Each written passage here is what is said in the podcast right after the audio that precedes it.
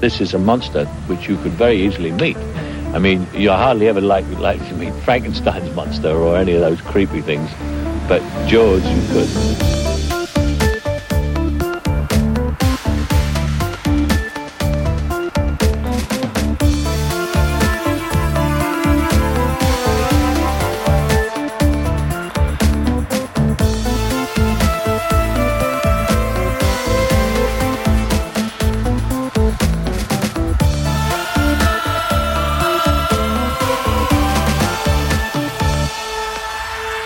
Välkommen till skräckfilmspodcasten Vacancy med mig Erik Nyström. Och med mig Magnus Johansson. Vi tänker i det här avsnittet ta vid och fortsätta prata om Hajen-filmen, nämligen eh, Hajen 3 och 4. Har du åren på dem? Precis, eh, de heter ju också Jaws 3D 3D förstås Yes. då. Eh, från 1983 och Jaws The Revenge från 1987. Mm. Om ni hoppar in i podden nu så föregående avsnitt pratade vi om eh, de två första filmerna i serien. Eh, här har vi hunnit in i 80-talet. Vad behöver vi veta om Hajen 3? I, den följer två karaktärer som finns med i de tidigare filmerna. Nämligen Michael och Sean. Alltså, Brody-barnen. Mm. Eh, här jobbar den äldre brodern Michael som Jag tror att han är svetsare eller ingenjör. Han har på något sätt varit med och byggt en stor SeaWorld i alla fall. Mm. Och har någon, fortfarande någon form av eh, ansvarsposition när det närmar sig öppning. Ja. Men det kommer in en haj där och börjar ställa till en massa oreda. Precis. Och eh, lillebror dyker även upp. Eh, mest bara för att få med fler karaktärer från första. Eh, vi fortsätter med att byta ut de här skådisarna tror jag. Jag tror inte vi har fått se samma skådespelare återvända någon gång som Sean och Michael. Nej, nej, det tror inte jag heller. Eh, precis, och en av de här är ju lite känd då. Som är Dennis Quaid. Mm, ja, han spelar Michael. Michael. Just det. Ehm, och som sagt var den här är Hör till 3D-vågen som väl var 83 Där kring 82, 83, 84 som den här Just det, tre. Ja, det blir ju så ja. an- andra t- 3D-vågen kom och det, Ja men vi har tidigare pratat om både Amityville 3D och Fredag den 13 3D Mm. Undrar om de bara låg och väntade på filmer som Eller kollade vilka har vi gjort två av Just det. För nu får ni pengar att göra en tredje så länge ni gör den i 3D Nu kör vi 3D. mm. Mm. Den är regisserad av Joe Alves, eller Alves. Jag ska inte försöka vara för fancy med uttalen. Ehm, som ju har varit med i de två tidigare Hajen-filmerna. Som dels har han varit Second Unit Assistant Director och Production Designer. Och det var någonstans jag läste han beskrivas som hjälten från de två tidigare inspelningarna som ju var problemfyllda med hajar som inte fungerade och sets som eh, sjönk. Och, och att han på något sätt var den här som på något sätt fick det att fungera ändå. Ja, okej. Jag tänker mig en så här vaktmästarkille liksom med skiftnyckel och, och, och skruvdragare och eh, fruktansvärt gott humör. Så Ja. gott humör att han fick eh, regissera en film. Det här är den enda film han har regisserat. Ja, okej. Mm. Är det inte då lite elakt att ge han en massa 3D att tänka på? Just det, men han verkar ju kunna tänka på det tekniska kanske. Ja. Eh, lite grann. Mm. Den här, ja just 3D, den, den börjar ju ganska tidigt med just eh, 3D grejerna. De bör öppna med någon fisk som är lite halväten. Ja, det kommer, hajen kommer under... Ja men den börjar som alla, alla Hajen-filmer väl egentligen ska börja med, med, med en First person kamera som åker under vattnet. Mm. Sen stöter den på en fisk som den äter upp halva på. Så får vi ett blodmoln och så får vi sakta se det här halva fisken komma eh, mot kameran. Mm. Mm. Jag tror aldrig jag har sett en film som hör till någon av de här 3D-vågorna som var så här lökiga och uppenbara 3D-effekter. Nej, precis, exakt. Det blir liksom lite luddigt och konstigt att se på den. Vi så, eh, såg den ju i två, 2D då. Mm, jo. Eh, men man... eh, Det är som att den är lite så här simmig. Nej, så säger man inte. Men det är en lite konstig bild. Särskilt då under de här effekterna som är väldigt, väldigt dåliga. De har ju den här eh, typ kanten. Så här utskuren kant som typ tidiga Star Wars innan de gick in och gjorde om dem. Mm. Ja, att de har en sån här svart ruta runt det som man ska ha fokus på liksom. Ja, det är Eller- jätte... Och jag läste lite grann o- om, om filmen att de experimenterade här med att använda video. Fota vissa grejer på video. Ja, okej. Men att i slutskedet så ändrade sig Elvis och sa att mycket av det här ska bort. Men han behöll några saker. Bland annat 3D-effekter. Mm. Eh, och det ser ju gräsligt ut. Sen Den utgåvan, är det, det är någon svensk utgåva som jag, jag vet att du såg samma. Mm. Ehm, är väl kanske inte den bästa. Men jag tycker även att man ser flera gånger att det blir lite grumligt och suddigt. Eh, Det ser inte, alltså det, det, som inte har med att det är en halvsunkig utgåva att göra. Nej, nej precis. Utan det är ju tekniken de har valt att använda. Verkligen. Men finns den här i någon så här häftig eh, utgåva där de har valt att bo- boosta 3D-effekterna som de har gjort? Ja, men du har Creature from the Black Lagoon och, och sådana där har ju fått ny 3D-teknik. Eh, exakt, och jag har jag personligen har aldrig sett den här 80-talsvågen få en, en release av När det har varit sådana med här den här nya 3Dn. Jag vet inte om det är den tekniken de använde på 80-talet som liksom är väldigt svår att kom- konvertera liksom. Eller så har de här filmerna väldigt låg status. Ja. Men, Jo. men, men House of Wax och de som kom på 50-talet är ju inte så här var mans egendom. Nej, precis. Nej. Det måste nästan vara någonting med tekniken. För Fredagen Alltså- den 13 del 3 skulle ha en, en målgrupp. Om man släppte den i, i ny 3D. Större målgrupp än, än House of Wax. Ja, men eh, absolut.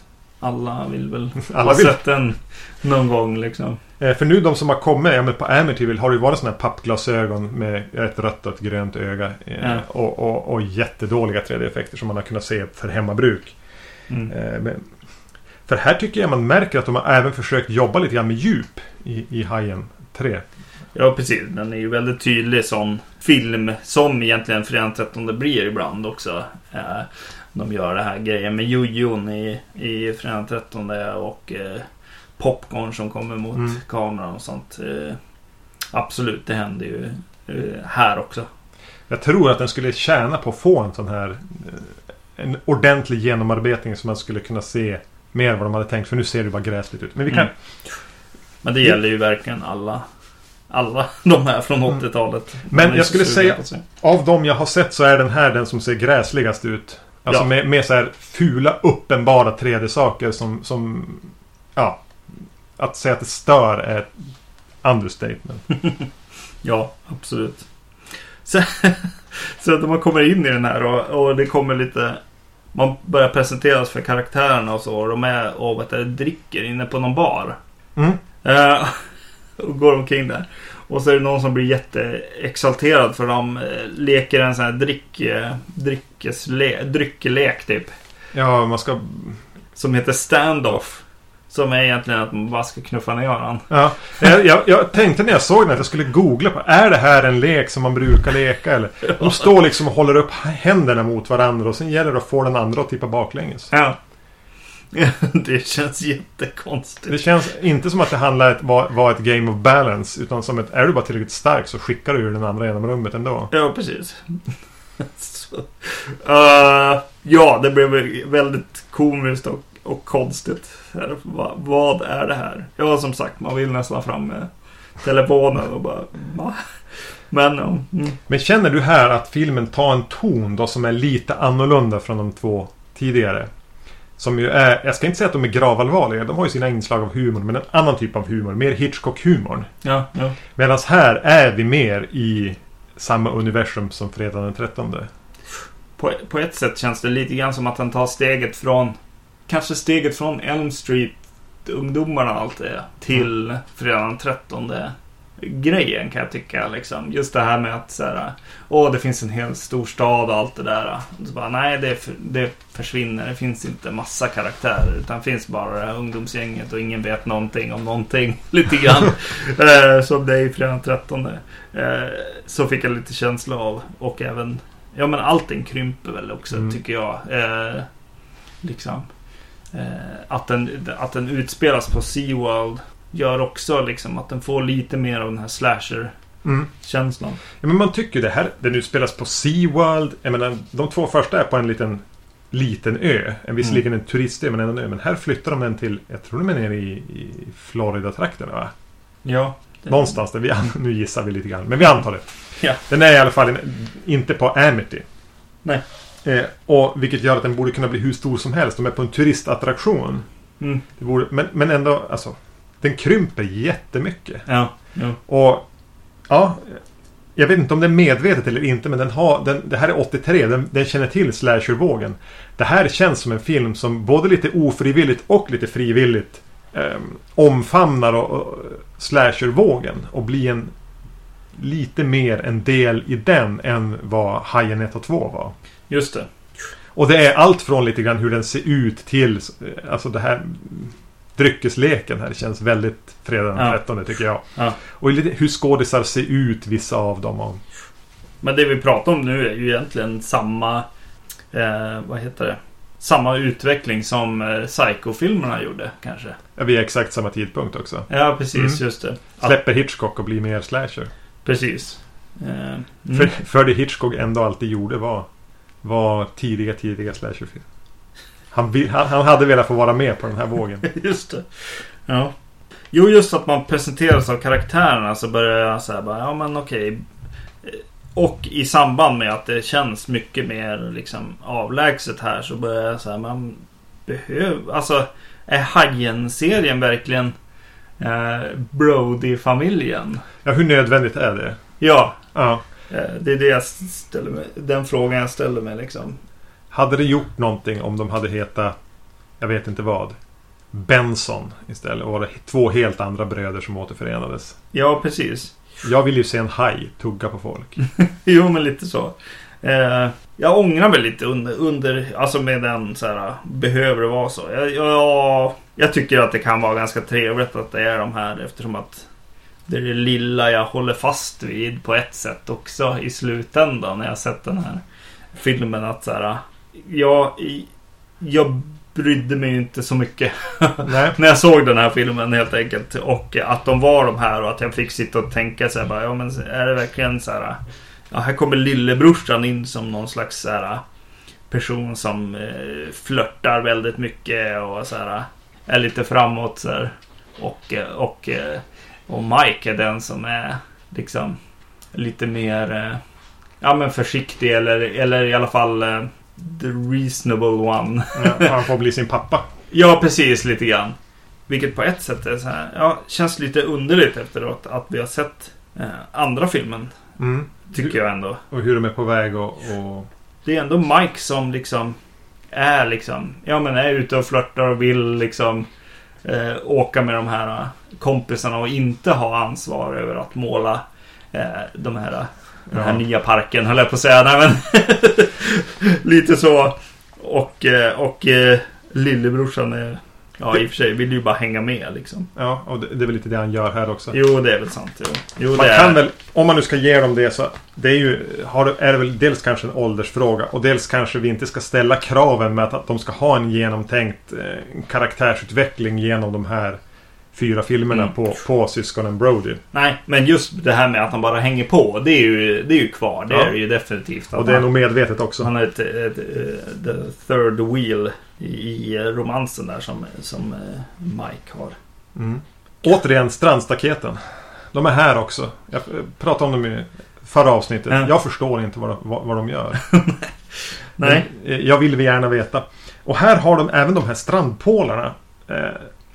Som löper. Måste, strandstaketet går parallellt med, med, med, med strandkanten. Mm. En- t- 20-30 meter upp. Gärna på en liten upphöjnad har de dem. För att hindra, jag vet inte vad. Nej. Monsterkrabbor från att ta sig i land. ja, precis. Medan de här strandpålarna går då ut från strandstaketet och rakt ner i vattnet. Det är som att de delar av tomtgränser eller någonting. Ja, Och de här är med i varenda Jean Rolin-film.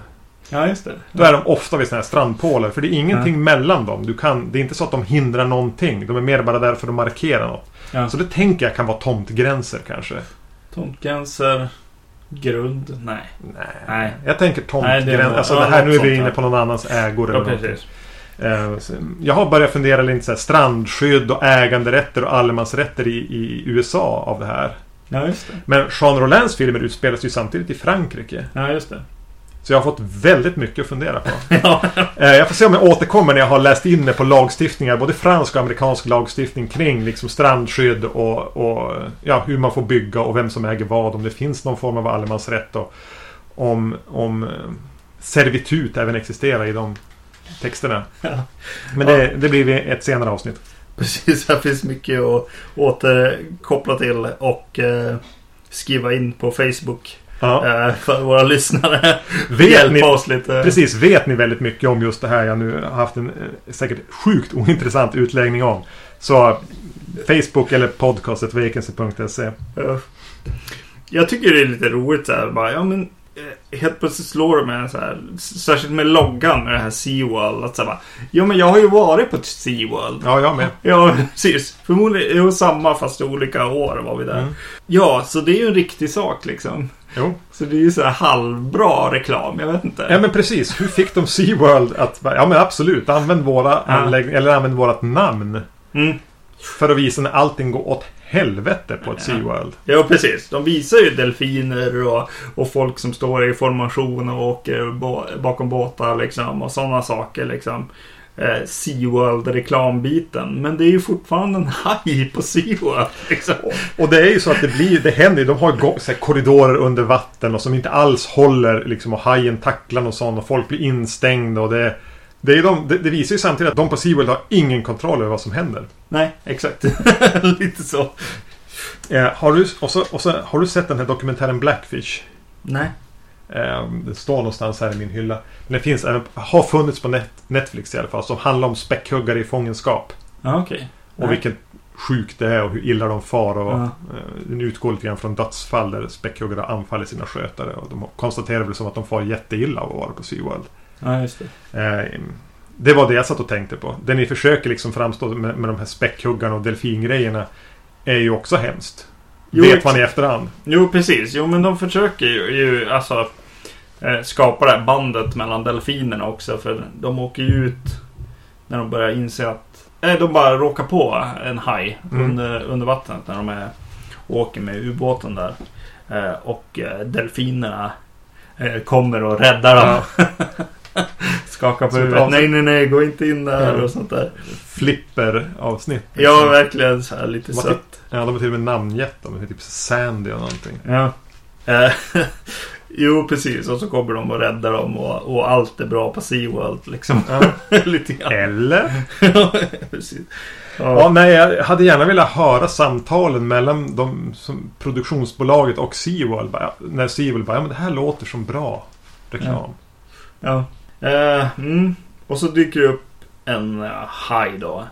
I bassängen här eller vad man ska säga. De har gjort en konstgjord, stor, jättestor konstgjord lagun som har en anslutning till havet där det finns en port som de kan öppna och stänga och det smiter in Mm. en haj där. En rätt sunkig haj.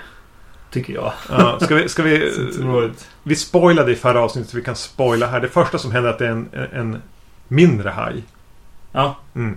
Jättesunkig haj. Ja. Förutom när de filmar den lite grann under vatten. Där de uppe verkar ha använt en riktig. Ja, just det. I några få klipp. Men sen är det ju en jätteliten plastsak. Mm. ja. Eh, och väldigt så här, statisk också. Ja. Mm. Och de fångar ju in den här och tänker använda den som attraktion. Men det finns ju naturligtvis även en, en mammahaj. Just det. Mm. Eh, jag vet, jag är ingen så här zoolog eller mari, marinolog. Men de, de nämner någonstans att hajen här är, är ju född inne i... Alltså att de måste vara... Ja, just det. Men så för, hajar är ju fiskar liksom. De lägger en massa ägg. Och så kommer pappa haj och sprutar en massa säd på det och sen de drar ju dem. Just det. Det är liksom det är däggdjur som föder levande ungar. I. det är snyggt. Hajar, är liksom, först skulle det vara flera massor med hajar där. Och vad jag vet om hajar är även att de är helt, de ät, har inga problem med att äta upp sina egna barn om de råkar på dem. Mm. Så det är någonting som inte stämmer med den idén att hon skulle vara liksom beskyddande över sin unge. Mm. Eh, Men, men det är väl i sammanhanget kanske ett litet problem. Det finns ganska mycket luckor här men... Ja. På tal om luckor, jag vet inte. Jag, alltså jag tappade, jag, jag kan säga att jag tappade mycket av intresset för den här filmen ganska snabbt. Men en sak som jag insåg att de höll på med mycket. Det var att prata om geografin. Alltså vart, Eh, de visar kartor och de pratar om så här, ja men där är ingången, här är det här konstiga röret med, som är strömt och, Mm. och allt sånt. Men jag vet inte om jag kände av geografin överhuvudtaget. Nej. Jag fick aldrig ihop det och ändå är det här en, en film som är mycket, mycket mindre och tajtare liksom pl- platsmässigt. De har den här liksom. konstgjorda lagunen med nöjesvattenparken. Ja, ja Mm. den borde kunna sitta ihop på något sätt liksom. Man skulle kunna visa lite mer, men de har verkligen bara separata platser på ett sätt. Eh, Så det blir väldigt svårt att, att veta riktigt vart man är. Och det är så synd att de då, ja, på ett sätt då ödslar de ju bara bort den tiden som de lägger på att, att prata om hur, all, hur allt eh, liksom sitter ihop och så. Ja, nej men den, den, den tappar bort mig och, och då även geografiskt. För det, det den utvecklas till är ju någon form av katastroffilm. En, liten min, en ganska liten katastroffilm. Hur hajen angriper hela den här undervattens Seaworld. Och Mm, slår mm. sönder rutor och grejer. Och då blir det ju mer bara fnissigt. Ja, På det här nästan campy sättet att det kan vara lite kul. Men inte tillräckligt heller å andra sidan. nej precis. Och för jag började måla... Jag har ju sett den här flera gånger. Till och med när jag var i Paris typ 2005. Var den på TV på hotellrummet sen kväll. Så jag har sett den dubbad till franska. Ja, okej. Mm. Och jag vet ju vad jag har att förvänta mig. Men nu när jag var med på en början tänkte jag, ja men om jag ser den här som en slasher. Mm. Och en sunkigare... Alltså att de, man glömmer bort de tidigare filmerna. Men det här är bara en haj som är, som är Michael Myers eller vad det vill. Och att den är lite... Att den ska vara lite dåligt regisserad. Den ska vara typ A New Beginning. Mm. Eh, men... Det den tappar bort mig på då är att de ska hålla på och dyka en massa. Och vi ska vara hänförda av liksom titta på dykare och deras lilla ubåt. Mm. Bara tråka runt och jaga den här lilla hajen och de ska fånga den och det är jättetråkigt. Tycker- Alltså allting under vatten i den här är jättetråkigt. Mm.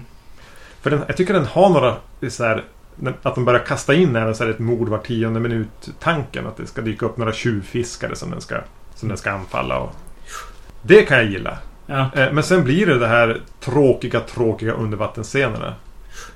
Men det är ju någonting med, med slasherfilmer då. Ja, Det är ju lite kul för övrigt. När vi tänker, ja men det här är bara en slasherfilm som ska vara liksom.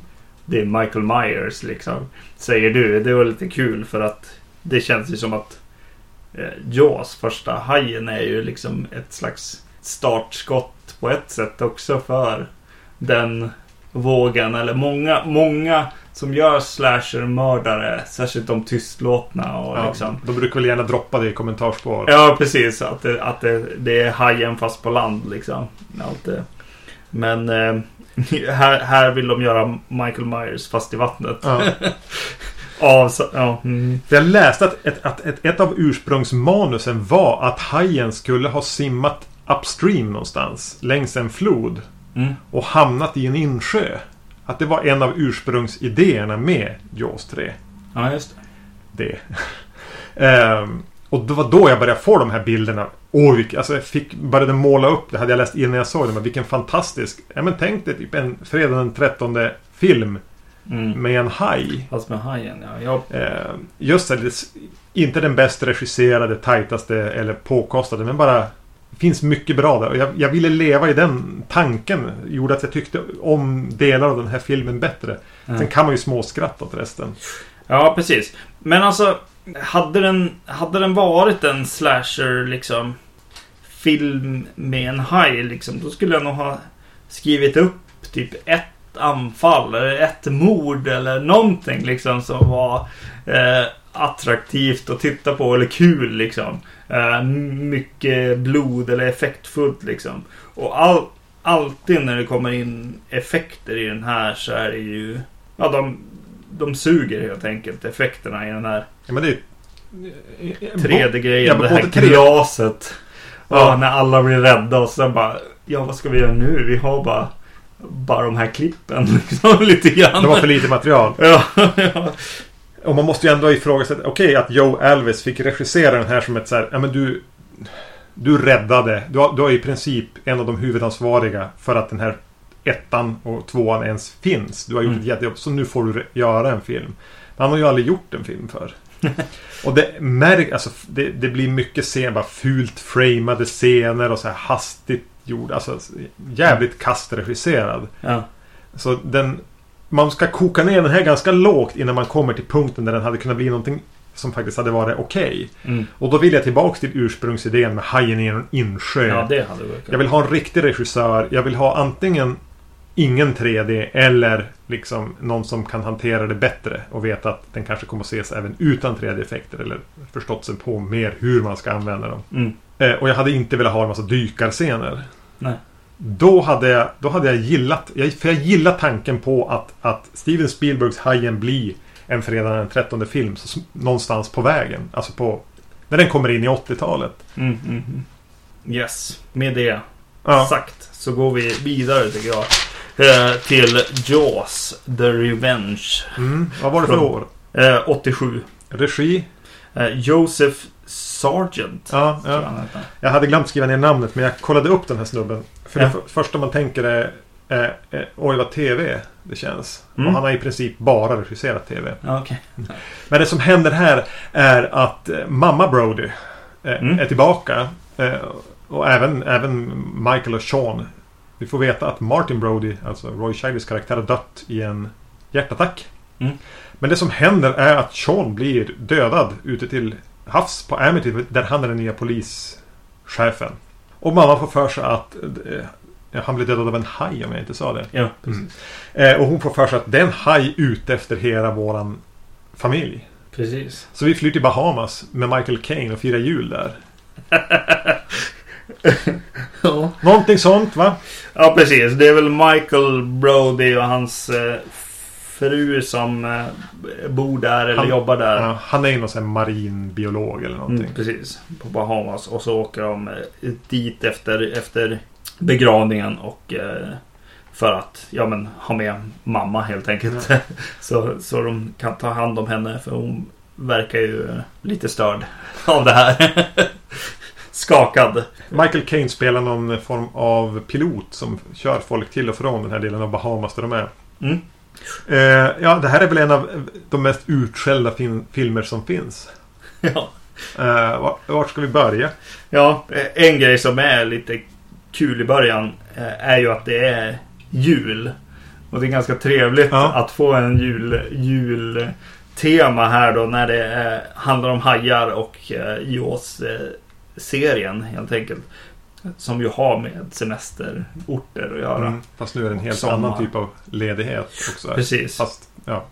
Och, och Sean där som, som eh, åker ut. Och eh, Han ska typ flytta på en stock som har fastnat i en boj för det är jätteviktigt. Ja, precis. Just det. Och så kommer hajen där och så dör han lite som eh, den här riddaren i Monty Python. Eh, han liksom överlever lite för länge liksom. Det åker en arm och ett ben och han bara Skriker vidare. skriker vidare där. Eh, Men, men alltså, ingen hör han för att det är no- någon kör som sjunger julmusik Ja, han är vid stranden. och ändå liksom vad grym den är med Sean. Liksom. Ja. Alltså, vi fick lära känna det där. Man tänker tillbaka så är han fyra. När vi presenteras för den här som sitter och härmar sin... De gör något klipp. Han härmar sin pappa så gulligt. Just det. Bara här biter vi av han lem efter lem och låter han skrika och säga Oh my God och spruta blod i sin, på sin gula regnrock. Så här, Ja. Lite för länge. Ja, Så det är både så här, ja men till 80% är det Monty Python och till 20% är det lite jobbigt. ja, ja precis. Jo.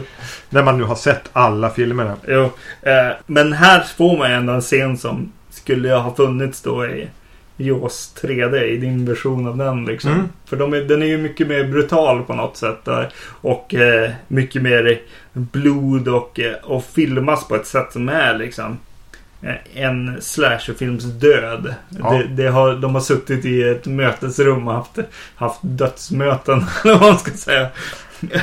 För att kolla, kolla upp hur de ska göra just den här attacken liksom. Mm. Eh, Och sen har de satt en så rutinerad tv-filmsregissör på att göra det. Vilket gör att det, oavsett vad han gör så känns det inte cinematiskt. nej, nej. Utan det börjar kännas som andra halvan av Fredag den 13 filmerna. Mm. Ja. Som kommer att vara min ständiga liksom, Ja, ja. bollplank till, till Hajen där det dyker upp så här, Jaws The Revenge. Titeln Ja. får ju då kännas lite grann som ett avsnitt av typ Murder She Wrote. Ja. Mm. Det är intressant hur när han nästan Ja men jag har mest gjort tv-filmer och tv-serier. Så jag gör det. Men Ja. det här är ju... Det här ska upp på bio. Nej. Jag gör det jag gör. ja, precis. Just det. Och så kommer Mike tillbaka här då. Ny skådis igen. Ja, precis. Som har, ändå har spelats av Dennis Quaid. Eh, en gång här då. Ja. Så det blir lite konstigt när han, eh, han från The Bee Gees eh, dyker upp. Eh, det, det är ingen från The Bee Gees. Men han ser ut som om han skulle vara med i, i det bandet. Lite Eh. lätt skäggig och lite lurvig sådär. Ja, precis. Skägg, eh, stort, stort hår liksom. Vi har inte tagit något namn här va?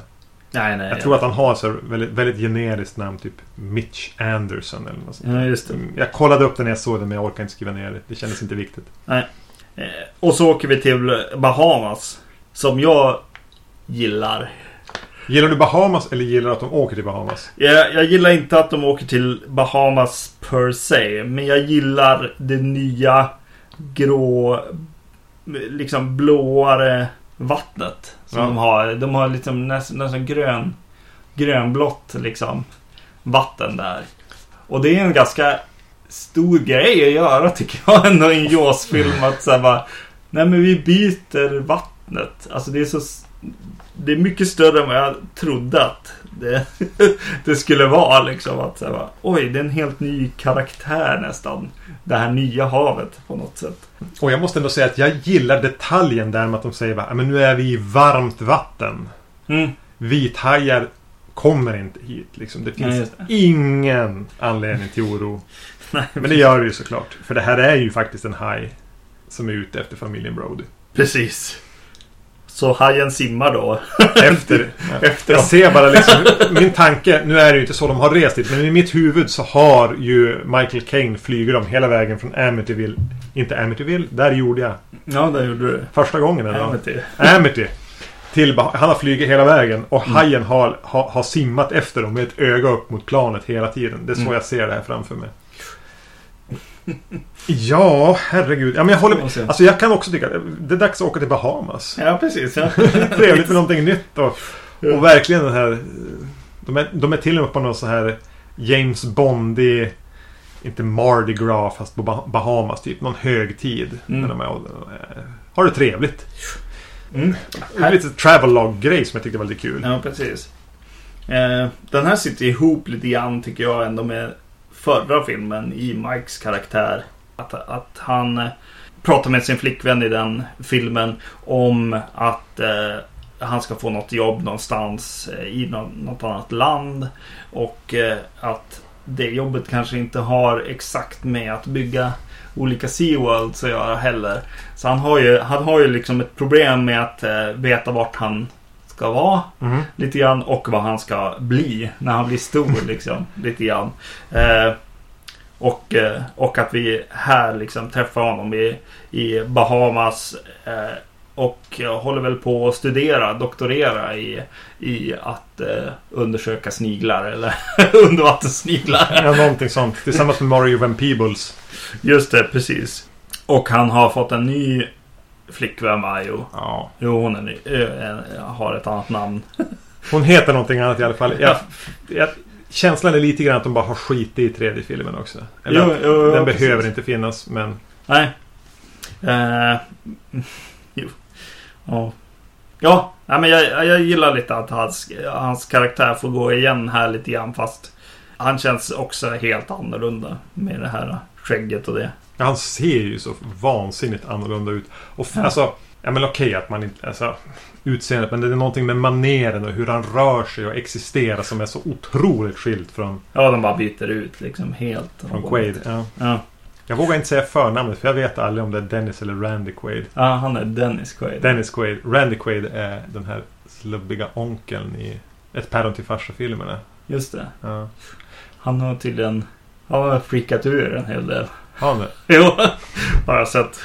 Han är tydligen en, en rolig person att följa på Twitter om man gillar folk som har gått lite Överstyr? överstyr. Ja. Sån här Donald Trump eller? Nej, nej det har han väl inte men Ja, någon, någonting har hänt med honom. Ja. ja, ja. Mamma Brody då. Lorraine Gary. Precis. Är tillbaka här. Av någon anledning.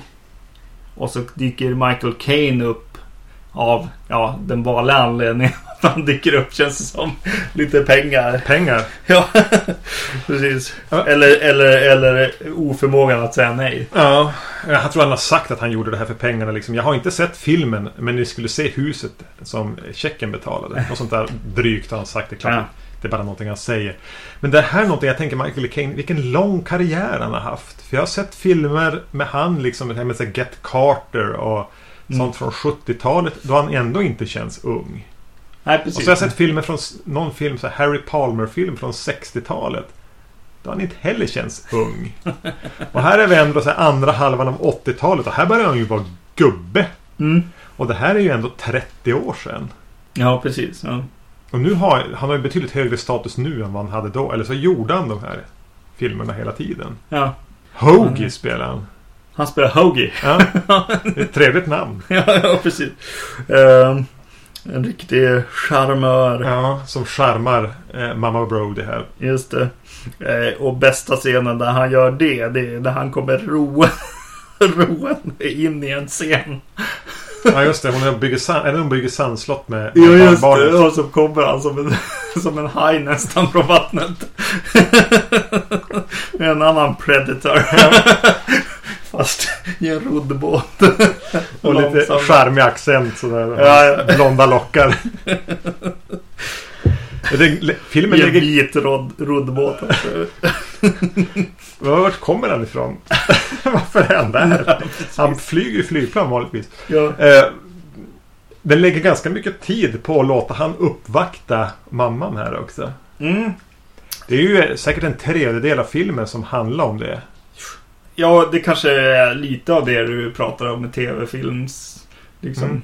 drama-grejen. Kanske lite grann att det dyker upp lite för mycket av det. Men jag känner också att det finns någon slags tanke här att gå ifrån Jaws 3D här. Och eh, försöka faktiskt landa i familjen igen Mm. och liksom eh, göra ett litet drama där hemska saker också händer. Ja. Jo men att den vill... Ja, men, ta ihop familjen igen. Där den, där, där det förmodligen satte sig en manusförfattare och tänkte... Tittade på första filmen och tänkte den här handlar ju om en familj. Ja, precis. Och ville ta... Vilket man- kan diskutera om den gör. Och ville att den här skulle landa i det igen. En rad dåliga idéer senare så är det väl det den gör. Och det, på något sätt kan jag respektera den för. Vad skulle de ha gjort då? Mm. Skulle de ha gjort så här? Jag vet inte. Versus Jaws takes Manhattan eller alltså. Det, det finns ett begränsat antal filmer du kan göra om en haj. Jag menar Ja. den är i vatten. Den är ganska lätt att undkomma.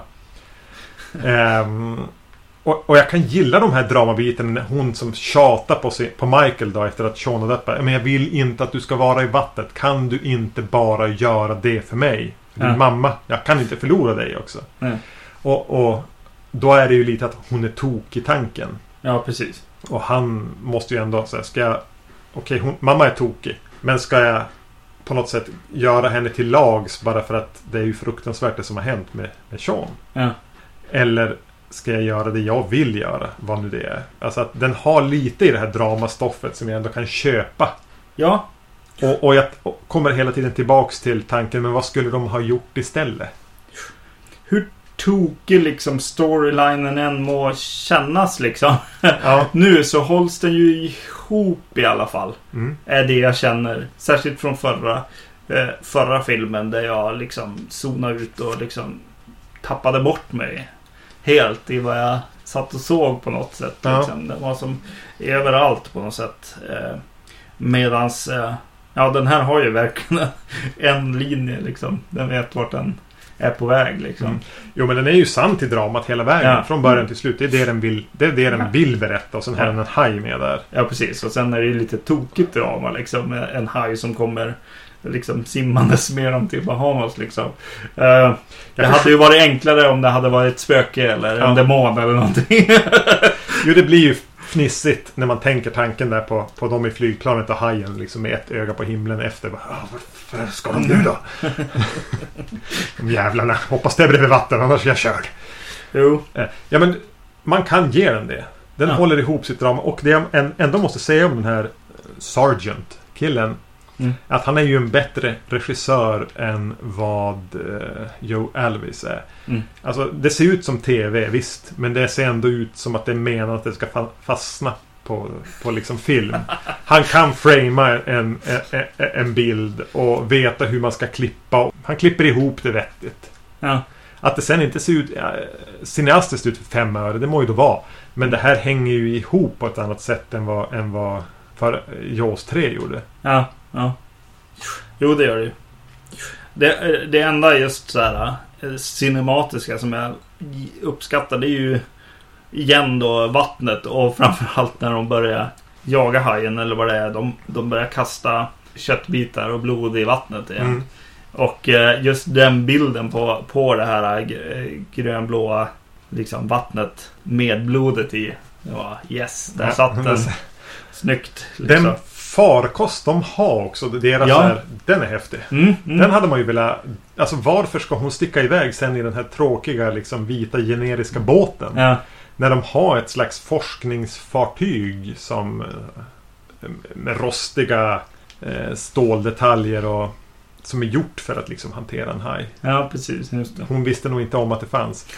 Där får filmen även ett strukturellt problem att, att Michael upptäcker att det är en haj här i Bahamas. Och så väljer han att inte säga någonting till sin mamma för det här är ju unikt. De vill forska på det här. Mm. Vilket är att vi får typ två eller tre scener på varandra. Han bara, ja men jag dyker väl ner igen då. Jo, precis. Just det. Det kommer en för mycket där. Ja, jo. Jo, det jag gör det. utsätter mig för onödig fara igen. Och Ja, kommer precis. undan. Ja. Här kommer vi till två. Eh, en av två såna här eh, grejer där jag var tvungen att liksom. Hörde jag det där? Va? Va? Eh, och det är ju när kompisen. Alltså han är, han är nere i en sån här eh, liten ubåt. Mm. Eh, eh, alltså Mike, Michael och hans kompis och han har radiokontakt. Börjar han nynna på på Jaws-teamet? Jag missade det i sådana fall. I, i, jag tyckte han var dum, dum. Och så bara, men sluta nu, säger Mike. Vad vad vad? Har du sett filmen? Precis, har de sett första filmen? Som handlar ju då om bland annat Michael själv. väldigt, väldigt underligt. Jag vet inte, jag kanske höll på att slumra till eller någonting. Det Och det där inte hände men jag är ganska säker på att det hände. Och så sen en annan så här rolig så här som bara vad va, va, va, va, vad händer nu? Sa Michael Caine det där? Det är att han är, de är och dricker han och, och mamma Brody, Ellen Brody. Sitter och, och dricker vid, vid eh, Ja men vid stranden någonstans. Och så, och så frågar han vad hon vill ha som sin nästa drink. Och så säger hon Ja men en likadan, det, det blir bra. Och så beställer han en Bahama Mama. Two Bahama Mamas, säger han. Man bara, eh, okej. Så det är ju också vad filmen handlar om. Eller? Mm.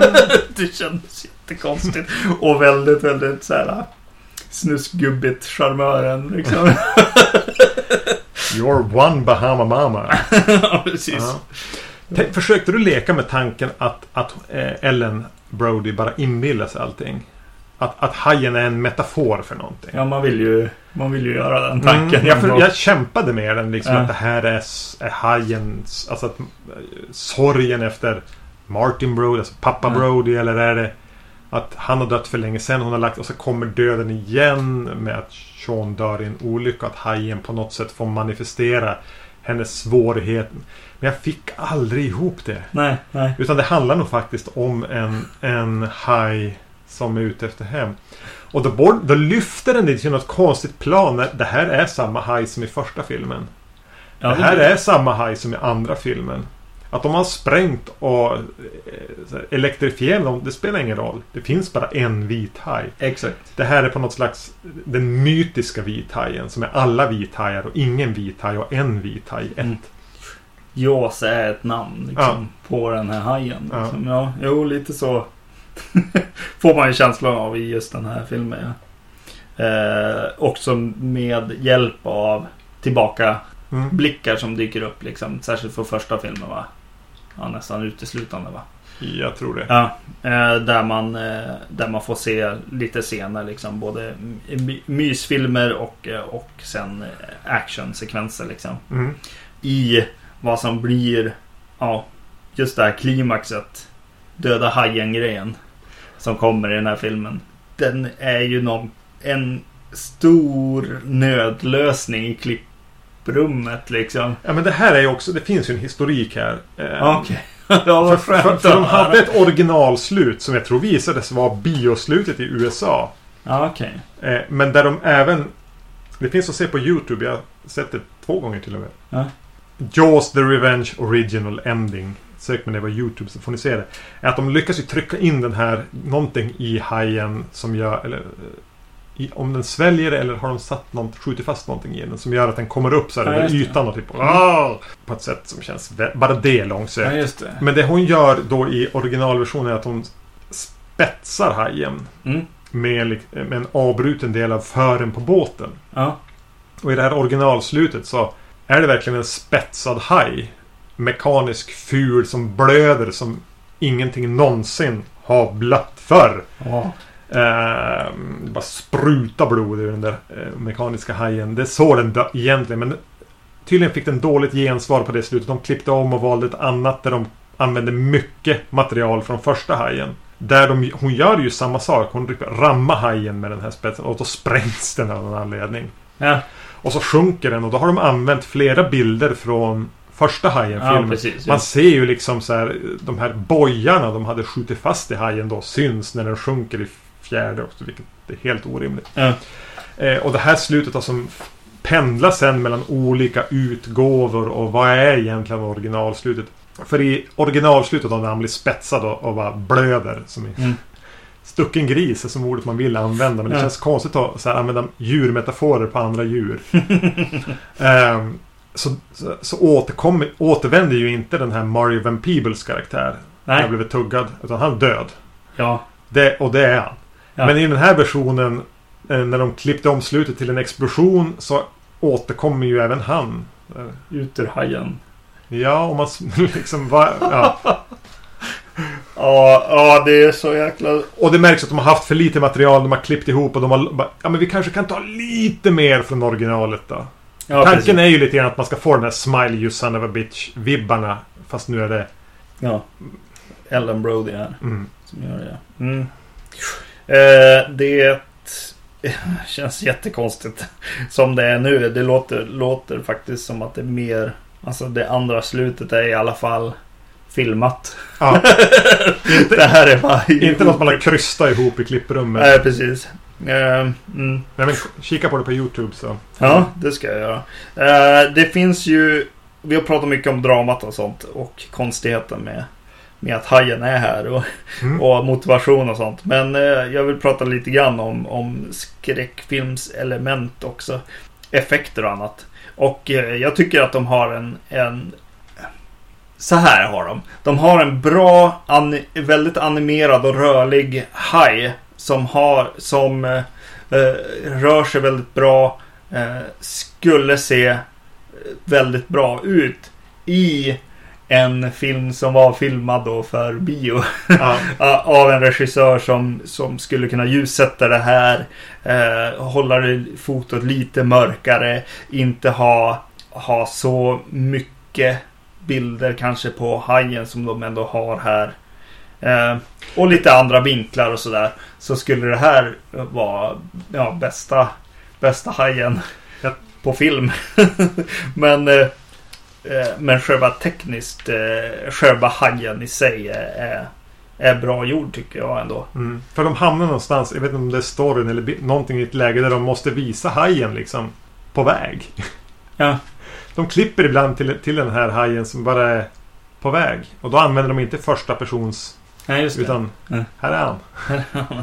eh, och ja, jo. Jag, eh, man får ju se mer av hajen. Och Ja. jag, jag tror du har rätt. Att, att det här är den bästa roboten de har byggt.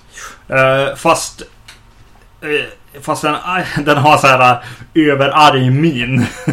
har den. Eh, hajen. Då var, då var liksom, det är som, som när man gör en, en dödskalle med liksom arga ögon lite grann. Lite så med vad det, hur de har gjort i munnen. Är li, lite löjligt liksom. Men ja, vad tusan. Och så tycker jag att det är ganska sköna attacker. Liksom. Eh, själva överfallen är väldigt, väldigt eh, ja, men, blodiga och känns lite jobbiga. Liksom. Till exempel den här när de eh, trampar eh, bananbåt Ja. där eller flyter runt på en sån. Eh, och hajen kommer och, och, och, och tar en på båten där. Ja, men jag trodde det, alltså jag hade det min, jag minns den här bananbåten. Och, Ja. och i mitt huvud har som allt smält ihop. Så jag trodde det var från första filmen. Ja, just det. Mm.